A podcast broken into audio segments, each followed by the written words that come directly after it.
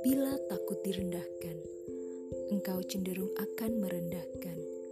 Bila takut tidak dicintai, engkau akan mencintai hingga merusak dirimu dan merusak sesamamu. Bila takut kehilangan sesuatu, engkau akan menggenggam dengan erat untuk memiliki. Bila takut akan kelemahan, engkau akan sibuk menunjukkan kuatmu. Bila takut kehilangan kendali, engkau akan mengendalikan sampai lupa diri.